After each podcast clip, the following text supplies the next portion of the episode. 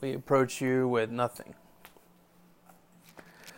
But full surrender, God.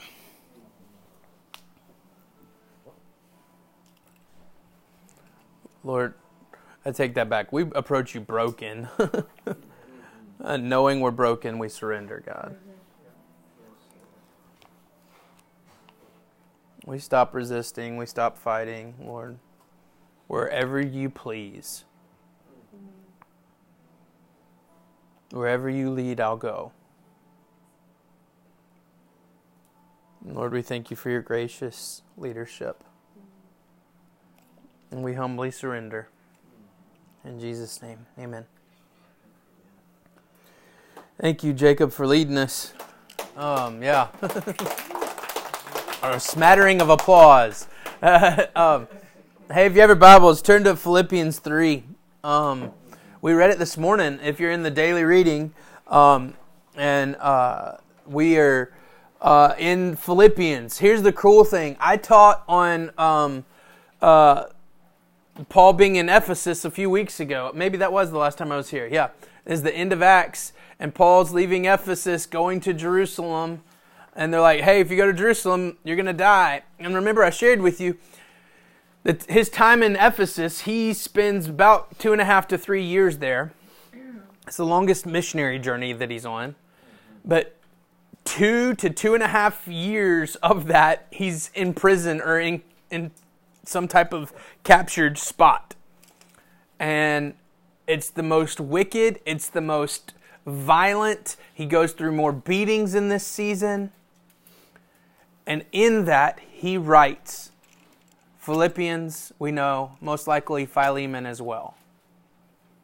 When you're discouraged, give me some verses that you go to. Just go for it. What do you got? Romans 8.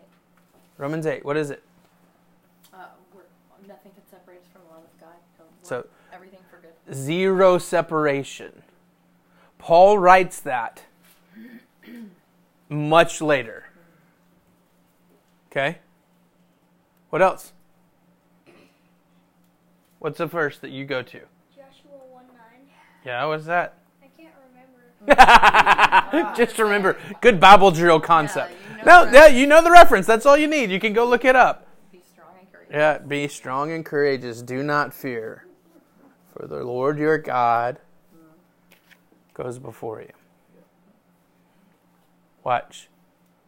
What's another verse? Romans 8, we're more than conquerors. Mm-hmm. Yeah. For Paul to be able to say these verses and any other verses that we would go to, we're talking about tried, tried, tried faith, a through the fire faith.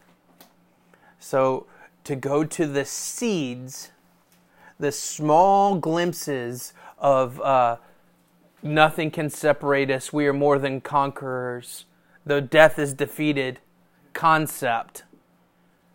What sparked that? And the verse that I go to more, and I've probably gone to it with some of you. Uh, uh, it's- uh, I used it as a pickup line and won my wife with this verse. Um, uh, no, I didn't use it as a pickup line. I just felt, I just felt in the sense on Ann and I's very first date, I said, "Hey, let's start here." Finally, brothers, whatever is true, whatever is right, whatever is noble, whatever is lovely, if there be anything good, anything excellent, think on these things. But he says, finally. If you go back just a few verses before that, it says, Rejoice in the Lord always. And again I say, Rejoice. Let your gentle spirit be made known to all men. And then the promise. If you let your gentle spirit be made known to all men, then the promise is watch, the Lord is near. And when the Lord is near, with prayer and supplication and thanksgiving, let your request be made known to God. And when you do that, when you interact with a near God, watch, the peace that surpasses all understanding will guard your heart, the things that you desire, and your mind, the things that you think about. for those that are in Christ Jesus. Finally, brothers, whatever you do, dwell on these things. That's Philippians 4. That's Philippians written after Paul's been beaten with rods and is stuck in a prison.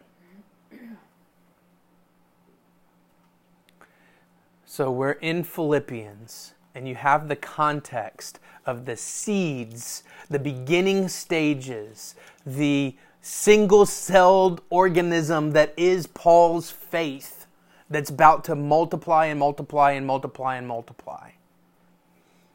And he writes Philippians in this continual rejoice in the Lord always concept. So, watch this.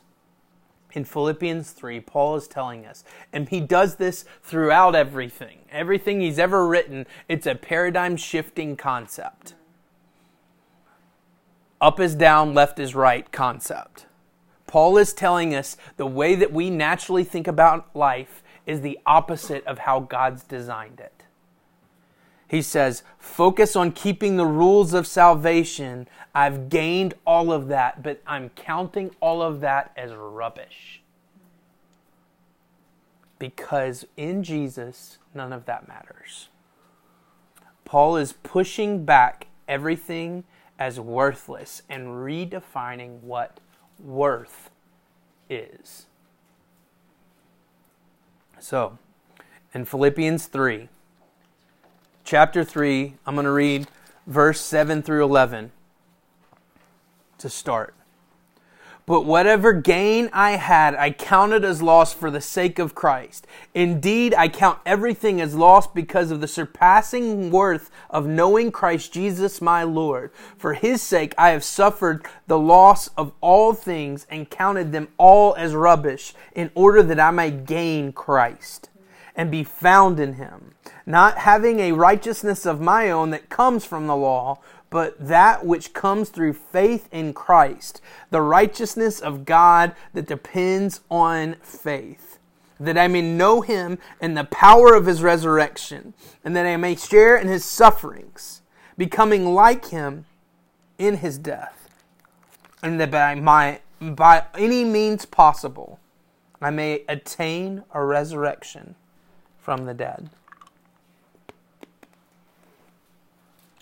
Mm. Are you ever floored by the richness of Scripture? Like, I don't speak in those terms sometimes. I, I take that back. There's this false sense of humility the Lord's teaching me about. The Holy Spirit speaks through us sometimes with richness, right? This concept of Paul writing these things that so sink into our core 2,000 years later. Watch what he's saying. The worth of Jesus makes everything else worthless the vast worth of Jesus makes everything else worthless. Let's be real for a moment, okay? Do you consider your good works rubbish? I don't. You know, I've started saying to friends when they ask me about, hey, how's the church going? Hey, how's Selah? I usually have started saying this the terms that I normally would speak to you in this moment are things I no longer count as something important. So typically, my response would be Hey, we're in two houses, we're praying about a third. God's really moving in some cool ways because we're baptizing people and there's a lot of growth happening. All these are practical things, right? But what, what really defines us? y'all, we're, we're going through it and we're surrendering everything. So is that good? Or, you know, like they're asking the question, hey, is church good? Yeah, yep, we're really sacrificing everything we can before the Lord. We're hoping to share in his sufferings. What? I had a pastor friend one time say to me, the Christian life is not about struggle. And he was getting on to me. And I thought, oh no, I want to be just like Jesus. And Jesus struggled. He chose the struggle so that he could redeem the struggle. I've been created and I've created many a good thing, but the more I'm with Jesus, the more I don't care about any of it. You ever have moments, that, and y'all, it's just, there's something stirring deep in my spirit. You ever have moments where you look around and go, How many hours have I spent in the truck? Like, yeah, do you think about that a lot, Josh? How many times have you sit in that car ride? Well, you walk to school, don't you, buddy? So you don't have to even sit in a car rider line, right? Yeah, yeah, y'all walk to school. But like the concept of like the hours that I've spent sleeping, you know, like like all these things are healthy things, right? But in reality, when we see the worth of Jesus, the depth of how worthy he is, everything else is worthless. We believe in so much of who Jesus is. But how do we believe? Process it with me. Faith. Faith, faith, faith steps faith is step 1. Faith is step 1 to believing about Jesus. Step 1. Faith. But watch. Faith is assurance of what we believe. The only way I take the step is if I believe that the ground's going to hold me up. So, faith being action, belief being something deep inside of us. Watch this. We believe Jesus was sent by the Father as evidence in the virgin birth. Foundational, Jesus was born of a virgin. We believe in that. And he was sent by the Father. This is divine, right? We believe he lived a holy life, never sinned, sinless, righteous forever. We believe he suffered to the point of death. He chose suffering. And we believe, kiddos, what happened three days later? He rose again. He rose again. Death didn't win. Watch. We believe that Jesus has made a way for us just to be just like him. Listen to me, let me say that again. We believe that Jesus has made a way for us to be just like him. Does that mean being born of a virgin? Does that mean living a sinless life? How does this work? Watch. God has given evidence of divine residing inside of you. You are not divine. But the Holy Spirit resides inside of you. And what is that evidence? His gifts. Do you see it? There is evidence of God inside of you. Jesus, our neighbor, was born of a virgin. Have you heard that story? Yeah, and people talking about it. Okay, that's different. Hey, have y'all been around my buddy? My buddy, he he sees things on a spiritual level that others don't. I feel like he really talks with God. The evidence of God, the Holy Spirit residing inside of us, manifests that God has done something. And thus we are just like Jesus in that manner. Watch. Do I have righteousness?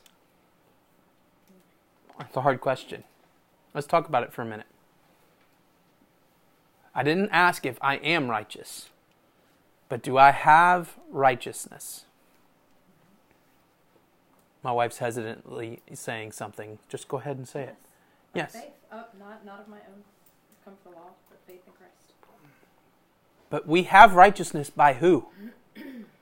by Jesus. Jesus has bestowed his righteousness on us. So I'll ask you this question Do I carry around my righteousness right now? No. I can't.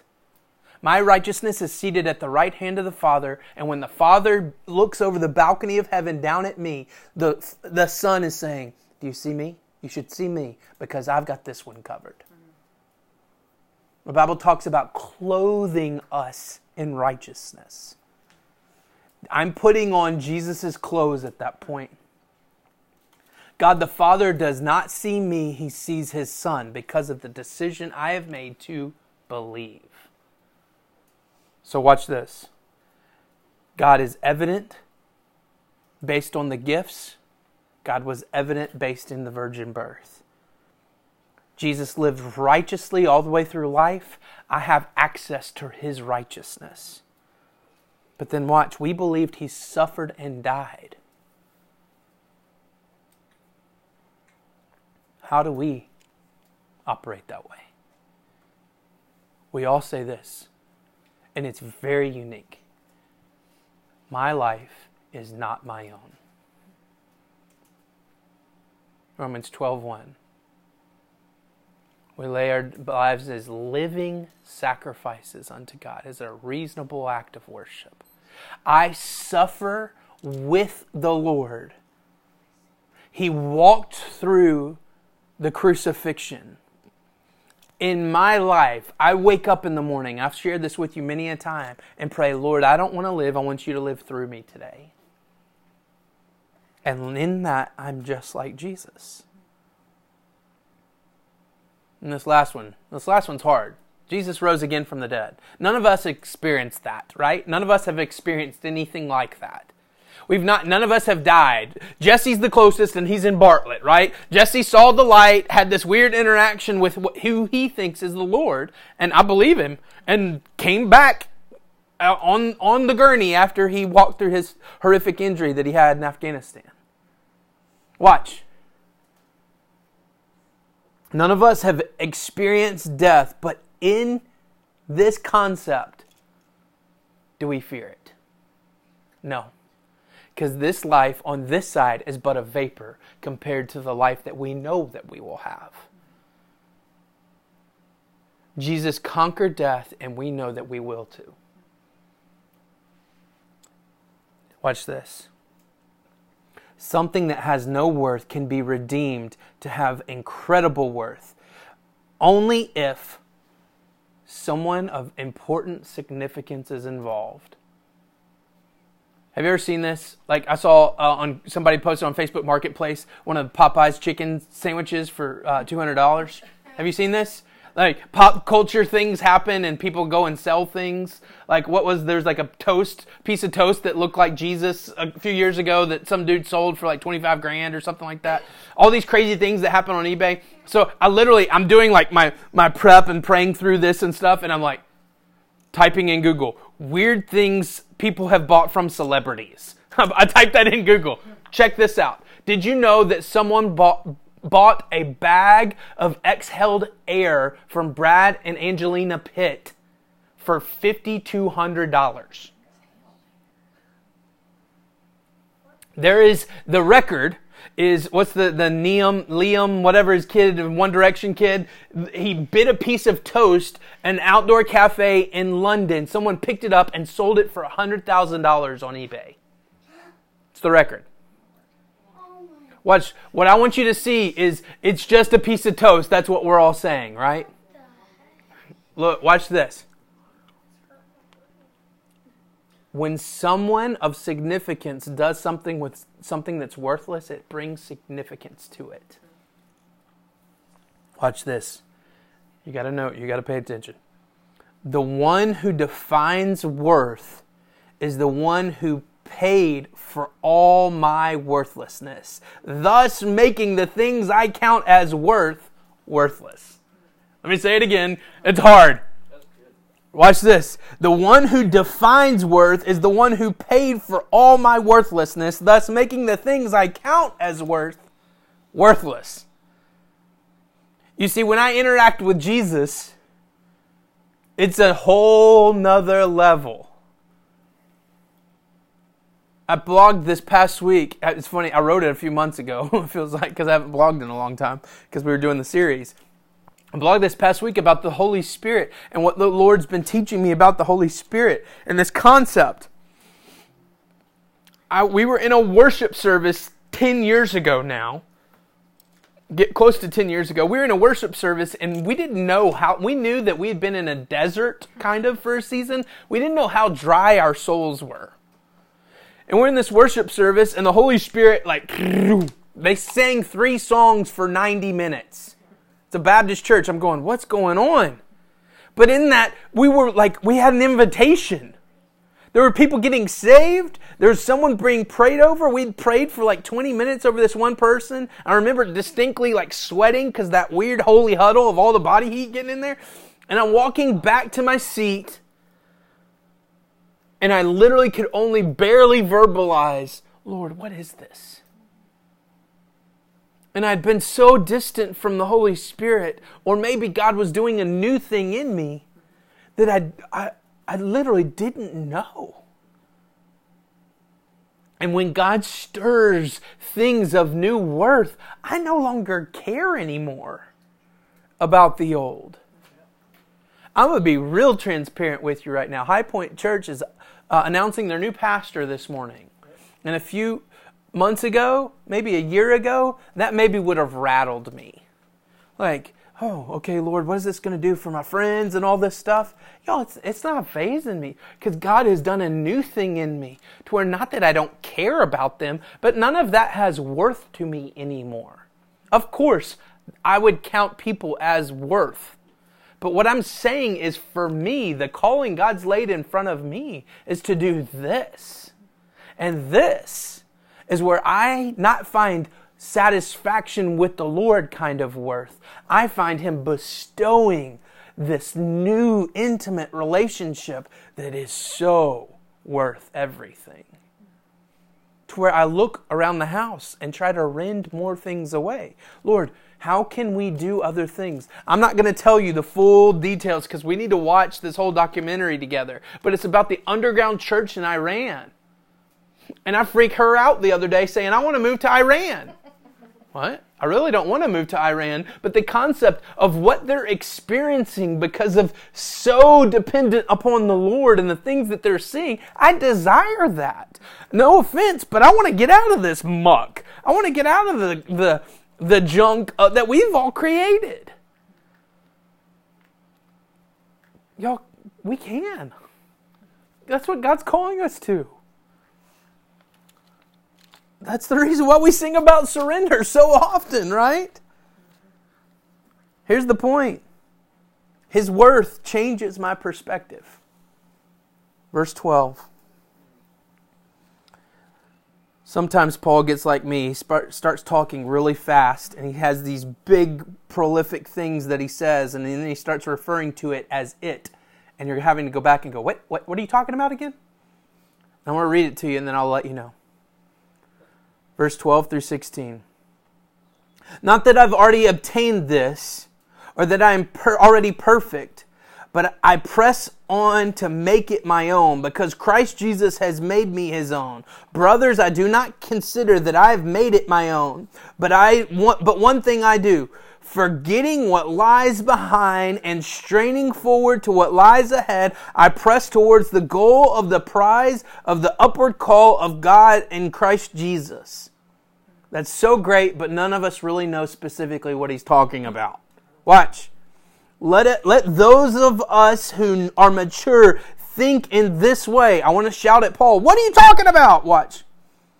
If any if in anything you think otherwise, God will re- reveal that to you also. Only let us hold true to what we have attained.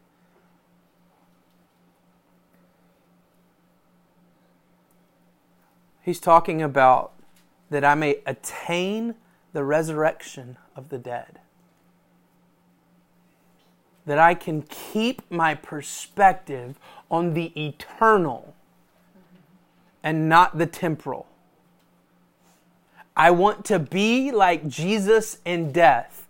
And it's hard because we struggle so much with, in our culture with talking about death. But watch this, and kids, you can get this too.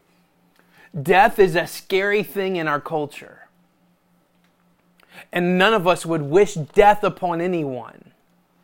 But we have victory over death.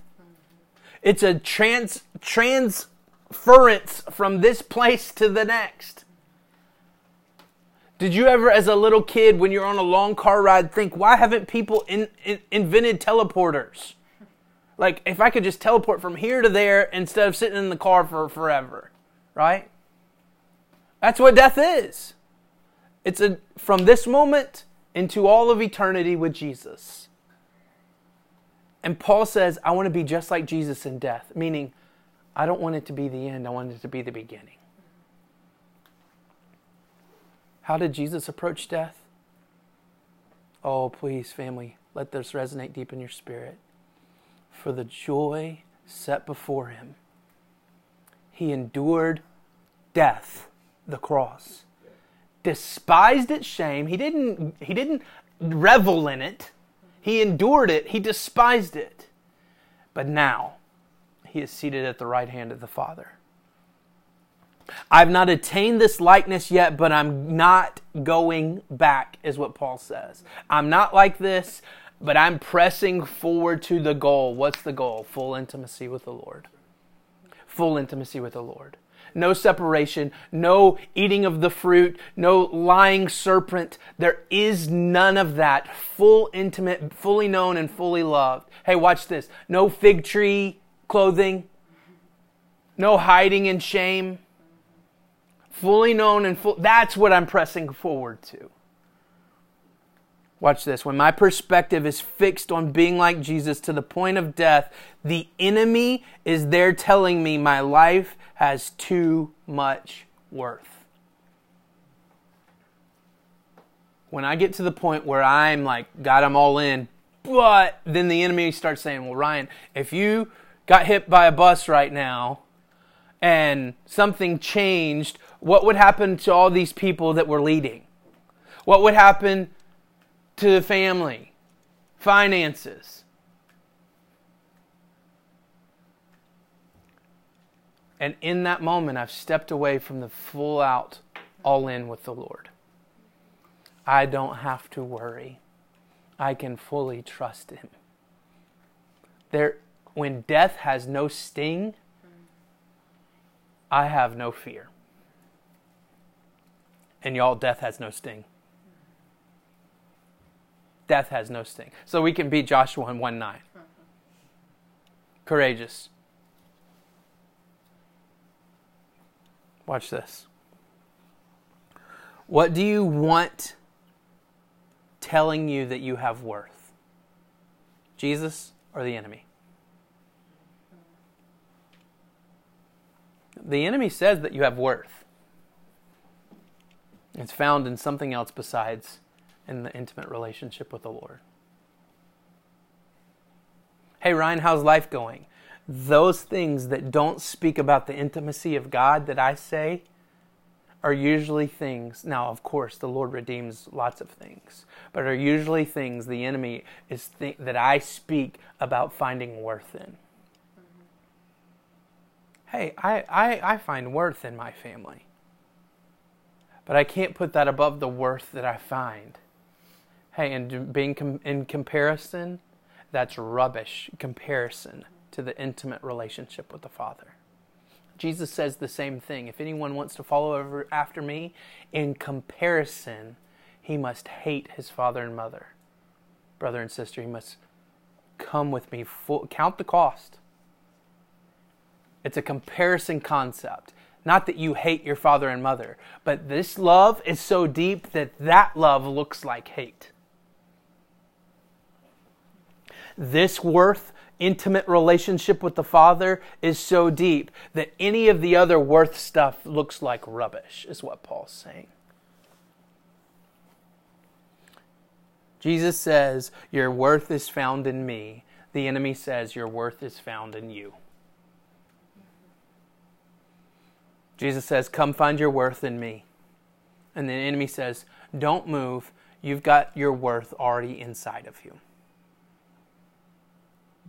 So watch. Striving, pressing, the goal, the prize. Those are the concepts Paul speaks to. He says, I'm pushing back the enemy because I know where worth is found. I'm pushing back the enemy for the joy set before him. He endured the cross. So for the joy set before me, I'm pushing this worth that you call worth. It's not worth. I'm pushing it aside and I'm pressing on toward the higher calling. What is the higher calling? How do we do that? How do we push it aside? Watch this. Heavenly citizenship makes earthly gain worthless. Brothers, join, verse 17. Brothers, join in imitating me. Paul's saying, I'm doing this. I need the accountability to proclaim it to you, and I need you to proclaim you back to me. So, brothers, join in imitating me and keep your eyes on those who walk according to the example you have in us. Where is he writing this from? Prison for many of whom I have often told you, and now even tell you with tears, walk as enemies of the cross of Christ. Their end is destruction, their God is their belly, they glory in their shame with minds set on earthly things. Oh my goodness. If you have a mind set on earthly things, your end is destruction, your God is your belly, you glory in the, your shame because your mind is set on earthly things. But verse 20, but our citizenship is in heaven. And from it we await a Savior, the Lord Jesus Christ, who will transform our lowly body to be like his glorious body by the power that enables him even to subject all things to himself. Jesus' example for the joy set before him. Paul's example hey, in Philippians, that he writes in the darkest, darkest of prisons, in the, what, five chapters, six chapters? Oh, I should have known this. Six chapters? Yeah, five? It's six chapters. Is it? No, it's five. Uh, Four. is it four? Four's the end, yeah. Okay. It's just four. Okay. Philippians, uh, that's one of those things you should have had before I, I said it. Philippians, he says in four chapters, 16 times, rejoice. Not just joy, but you have something inside of you to return to that joy, thus, rejoice. Ephesus jail, longest stay of the two and a half years away from everyone, but only six months out of custody, the most violent. And Paul's saying there are many out there that don't have this joy. And those that are out there, their end is destruction, their God is their belly, their glory is their shame, their mind is set on earthly things. Listen to me, my life is not my own. Paul's saying the way that I keep this concept is I know that I don't reside here. Heaven is home, and the prize of all prizes is there. That prize is being just like Jesus. He says it, we'll get a new body. I choke up every time I think about this. My grandfather, for the longest time, he's a hero in my life. Um, uh, Max got to meet him, uh, and then uh, we went home. Max was two months old, three months old, and we went home to Houston um, after Christmas, and literally got bags unpacked and got a phone call that my grandfather passed away. And my grandfather had uh, his two Purple Hearts, was at the Battle of Bulge, Black Forest, World War II vet. I think we figured out he was uh, plus 28 days D-Day. He, he showed up 28 days after D-Day. Um, he had shrapnel in his chest from uh, a grenade going, a frag grenade going off in front of him, and that's not what ended his war career. They didn't have the utensils back in the 40s, 50s, 60s, 70s to get the shrapnel that was so close to his heart away from him until 1985 when he had open heart surgery. They finally got the last piece of shrapnel out of his heart. Um, goes in the Black Forest. If you know anything about World War II, they were ill prepared for the cold, freezing temperatures and stuff, and he got frostbite, and that's what sent him home. Then, when he gets home, gets married, starts to have a family. Um, he's a little bit short, shorter than I was, and I basic. I mean, I almost identical body build. Um, and he he barely could move his fingers. You know, arthritis. His feet were always um, bothering him because they were cold. He said one time they were all, they always had the house really hot. Did your parents do that? My grandfather did that. My parents are starting to do that. Ann's parents have always done that. Um, I always had the house really hot, and one day we were talking about it, um, and he said he's never been warm since he was in the Black Forest. But he would share all these stories of running and climbing in World War II. He never shared them. He recorded them, and I and I was told, and wait, don't listen to these till I die. And so on the flight to go to his funeral, listen to the. Oh, of course, you know it's heavy. First thing he says is, "I just hope that I've gotten to see my great grandkids," and he, he eight days before gotten to meet Max. Oh, just cool stories. Um, but in this concept, I always struggled with him telling me he's riding a bike. Like, I, I physically cannot picture him riding a bike.